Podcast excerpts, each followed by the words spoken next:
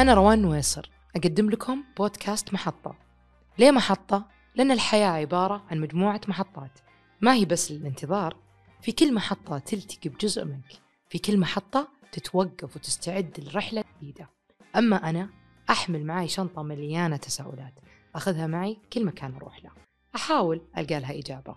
واليوم أفكر معكم بصوت مسموع. في أحد أيام الشتاء البارد في محطة المترو في واشنطن العاصمة. دخل رجال شكله مرتب معاه شنطة كمان. دور له زاوية واختار بعناية زاوية تكون عند مدخل المحطة. فتح الشنطة طلع الكمان وبدأ يعزف. عزف مقطوعات مختارة من أرقى المقطوعات الكلاسيكية وتحديدا للعبقري باخ.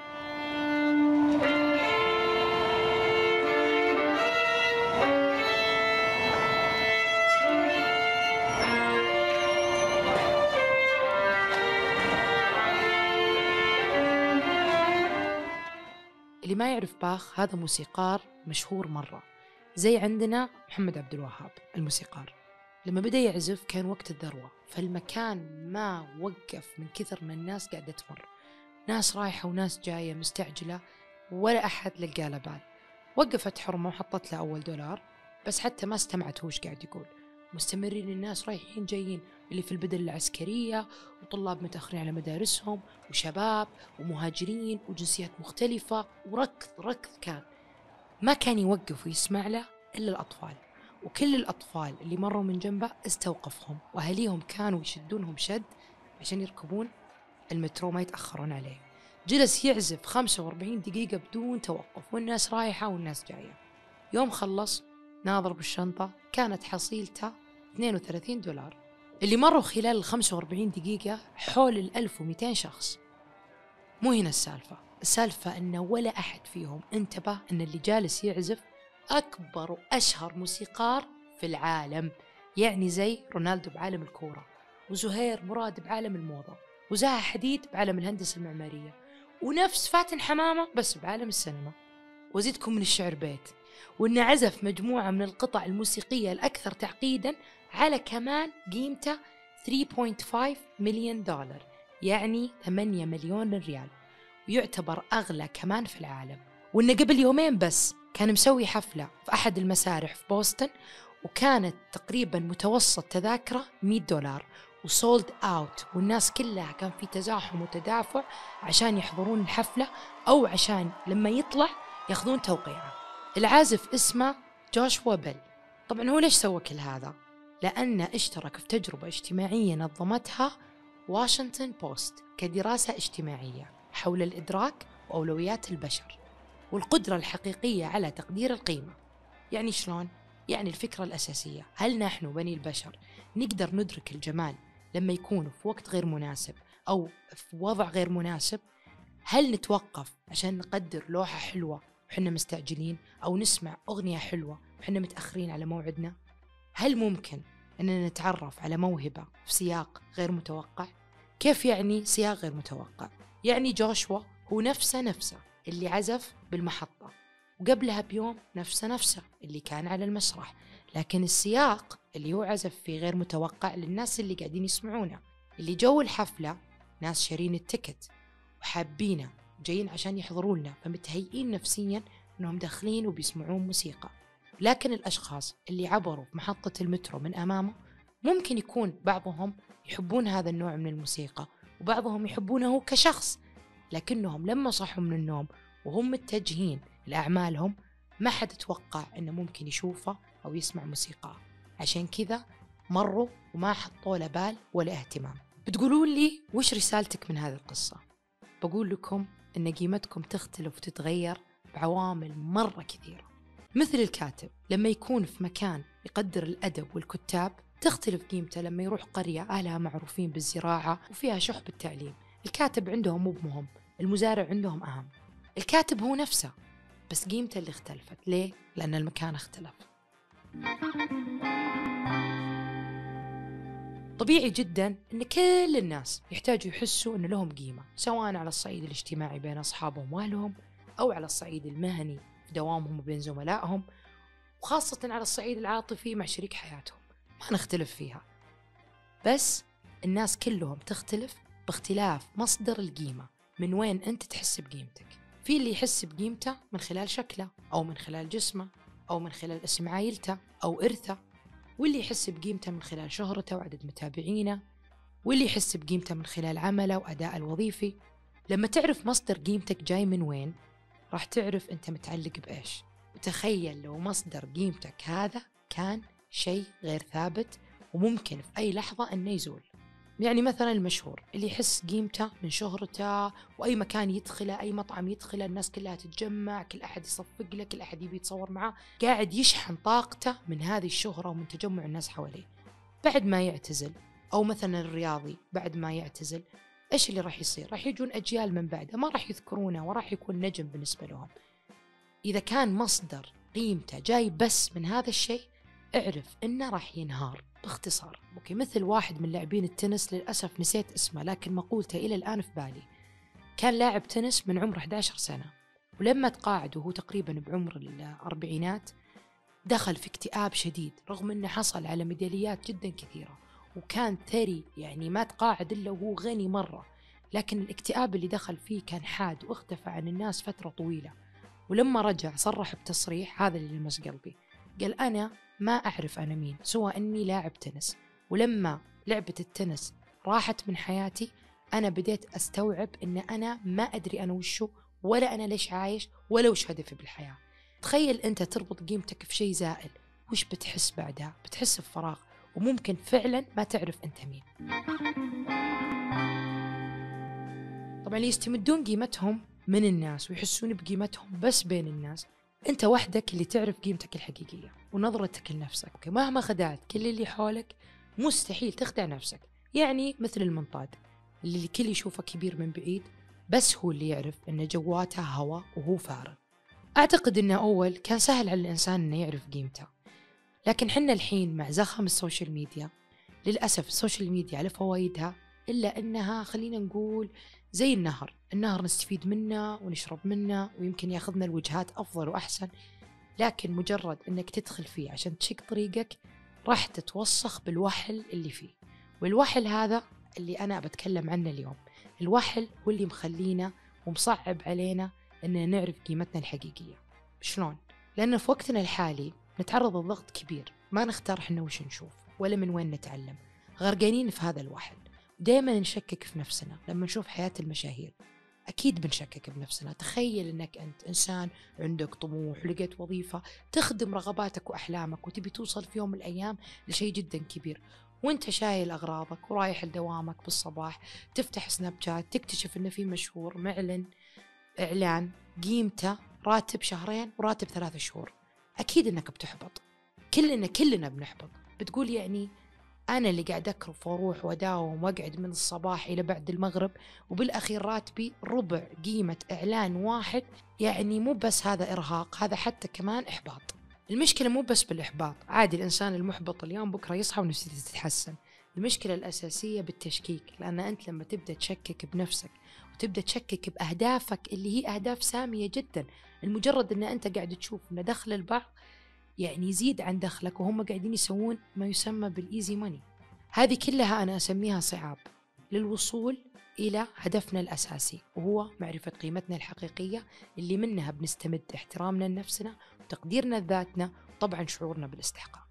والفايدة من هذا كله أنه راح ينعكس على جودة حياتك لما تعرف قيمتك الحقيقية بيخليك تستغني عن كل شيء ما يخدم أهدافك سواء كانت وظيفة صديق علاقة أي شيء ما يخدم جودة حياتك بتقول له بكل بساطة مع السلامة.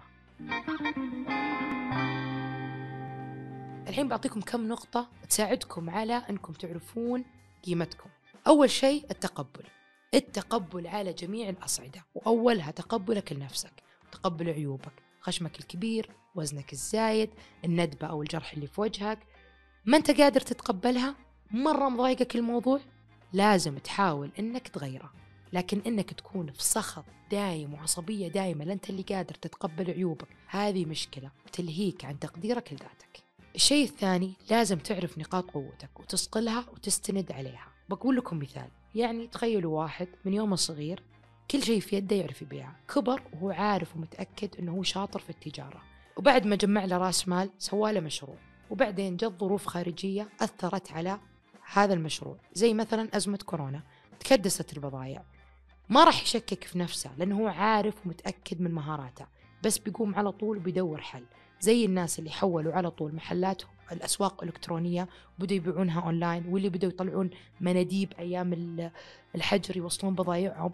هذول الطاقة حقتهم بدل ما تروح بالتشكيك هل أنا جيد أو هل أنا غير جيد في, في التجارة؟ خلي الانرجي حقتهم تروح كلها على كيف أصرف هذه التجارة. وبالتالي نجحوا. واللي فشلوا مين؟ أي شخص ما كان عارف نقاط قوته وشكك بنفسه. الشيء الثالث والأخير دائرة أصدقائك. اللي تطلع معاهم تجلس معاهم وتسافر معاهم. هذول يأثرون بشكل كبير مرة عليك. حاول دايم إنك تصفيهم وإنك تختار النخبة منهم وتجالس الناس القريبين من توجهاتك. واللي معاهم تحس إنك قاعد تكبر قاعد تنمو مو جالس تذبل. نصيحتي بدل كل شخص ما يضيف لك إلا الوناسة بناس تطلع معاهم بفايدة. وكمان ونيسين وسعين صدر ما حد قال لك ترى إن الناس الناجحة ثقال دم.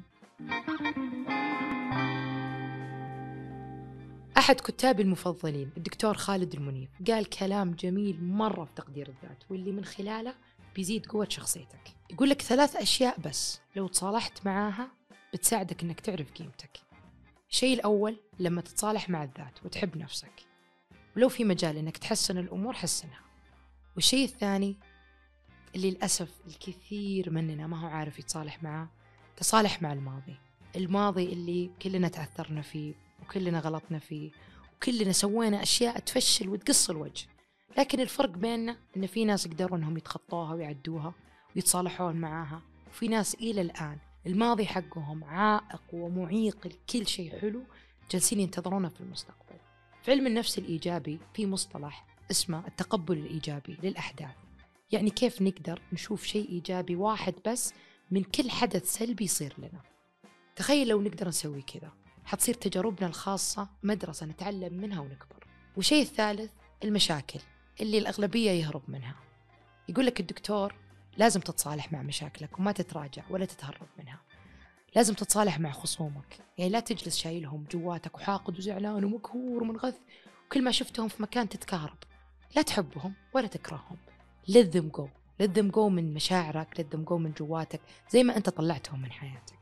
معرفتك لقيمتك ما راح ينعكس عليك أنت بس بالنفع. بالعكس ممكن على محيطك وعلى مجتمعك وأحيانا ممكن يغير العالم. لو أنت عرفت قيمتك وتقبلت نفسك. زي مين؟ زي بطلة قصتنا ملالة ملالة من مواليد 97 طفلة عادية كانت تعيش بقرية صغيرة تحب العلم والمدرسة وأصدقائها والمدرسين مثل أي طفل. تفاجأت في يوم من الأيام بحركة عسكرية في القرية حقتها. اكتشفت بعدين إنهم هذول ناس اسمهم طالبان جايين قريتها عشان يمنعون النساء من التعلم. يعني إيش؟ قال لها أبوها يعني ما عاد في روحها للمدرسة ملالة ما عجبها اللي جالس يصير. حست إنه حق من حقوقها سلب منها غصبا عنها وهو حقها بالتعلم. قامت وسوت لها مدونة باسم مستعار. بدأت تتكلم وتكتب عن رأيها وعن مخاوفها وأن مدرستها ممكن تتسكر وأن هي عندها طموح وأنها تبغى تصير في يوم من الأيام شيء. وأن بدون علم يعني ما في مستقبل من هذا الكلام؟ تفاجأت أن في كثير مؤيدين لها بدأوا يدخلون على المدونة ويعلقون معاها ويكتبون أن إحنا نطالب وقف الحركة هذه. طالبان ما عجبهم أن في حد جالس يكتب ويعبر لأنهم هم ما يعرفون لغة إلا لغة السلاح والقمع ولا يستوعبون شيء غير الخراب والدمار. وهي اللي كانت تشوفه إنها قاعدة تسوي شيء صح جالسه تدافع عن نفسها وعن باقي البنات إنها تتمسك بحقها في التعليم. طبعا قدروا إنهم يعرفون مين الشخص اللي وراء الاسم المستعار وقدروا يعرفون وين بيتها وقفوا لها وترصدوا لها. لين يوم من الأيام طلعت وركبت الباص وهي رايحة بالطريق جت سيارة واعترضت باص المدرسة. وقف سواق الباص فجأة نزلوا اثنين دخل واحد على الباص جلس يناظر بوجيه الطلاب بس ناظر فيها كأنه كان يبي يتأكد. قال مين ملالة؟ أول ما ناظرت فيه واستوعب إن هي ملالة طلع المسدس من جيبه ثلاث طلقات في وجهها وانحاش. أنتم مستوعبين الخوف اللي حسوا فيه هذول الأطفال؟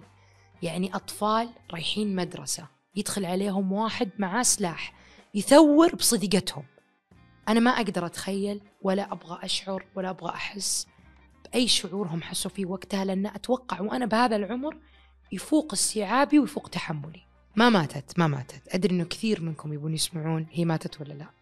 ما ماتت لكنها دخلوها المستشفى وكانت بحالة حرجة جدا.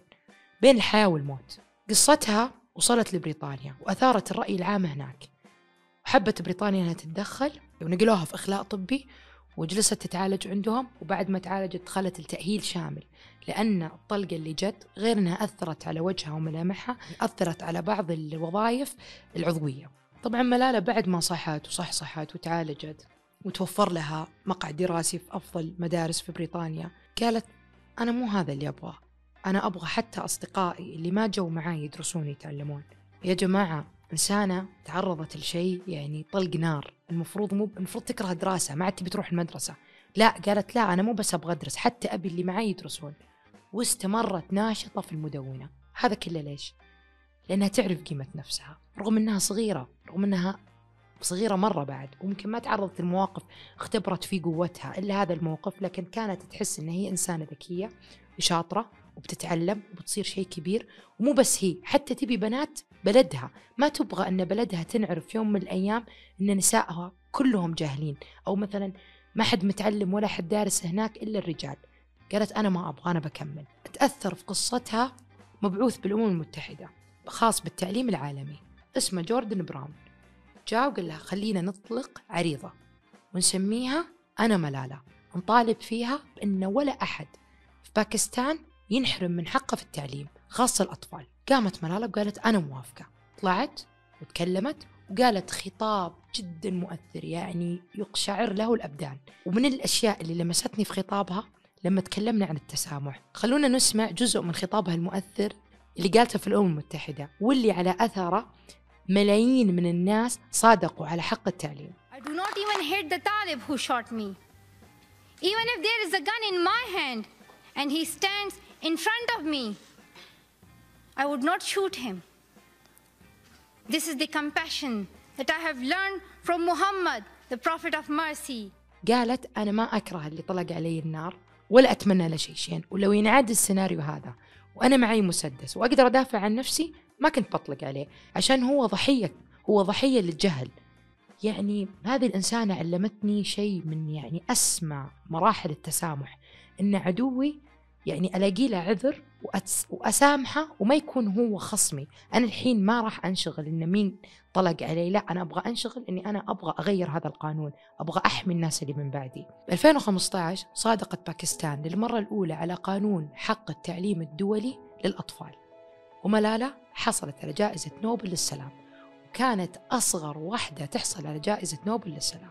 حققت ملالة حلمها في عام 2020 وتخرجت من جامعة أوكسفورد أحد أشهر وأعرق الجامعات في العالم.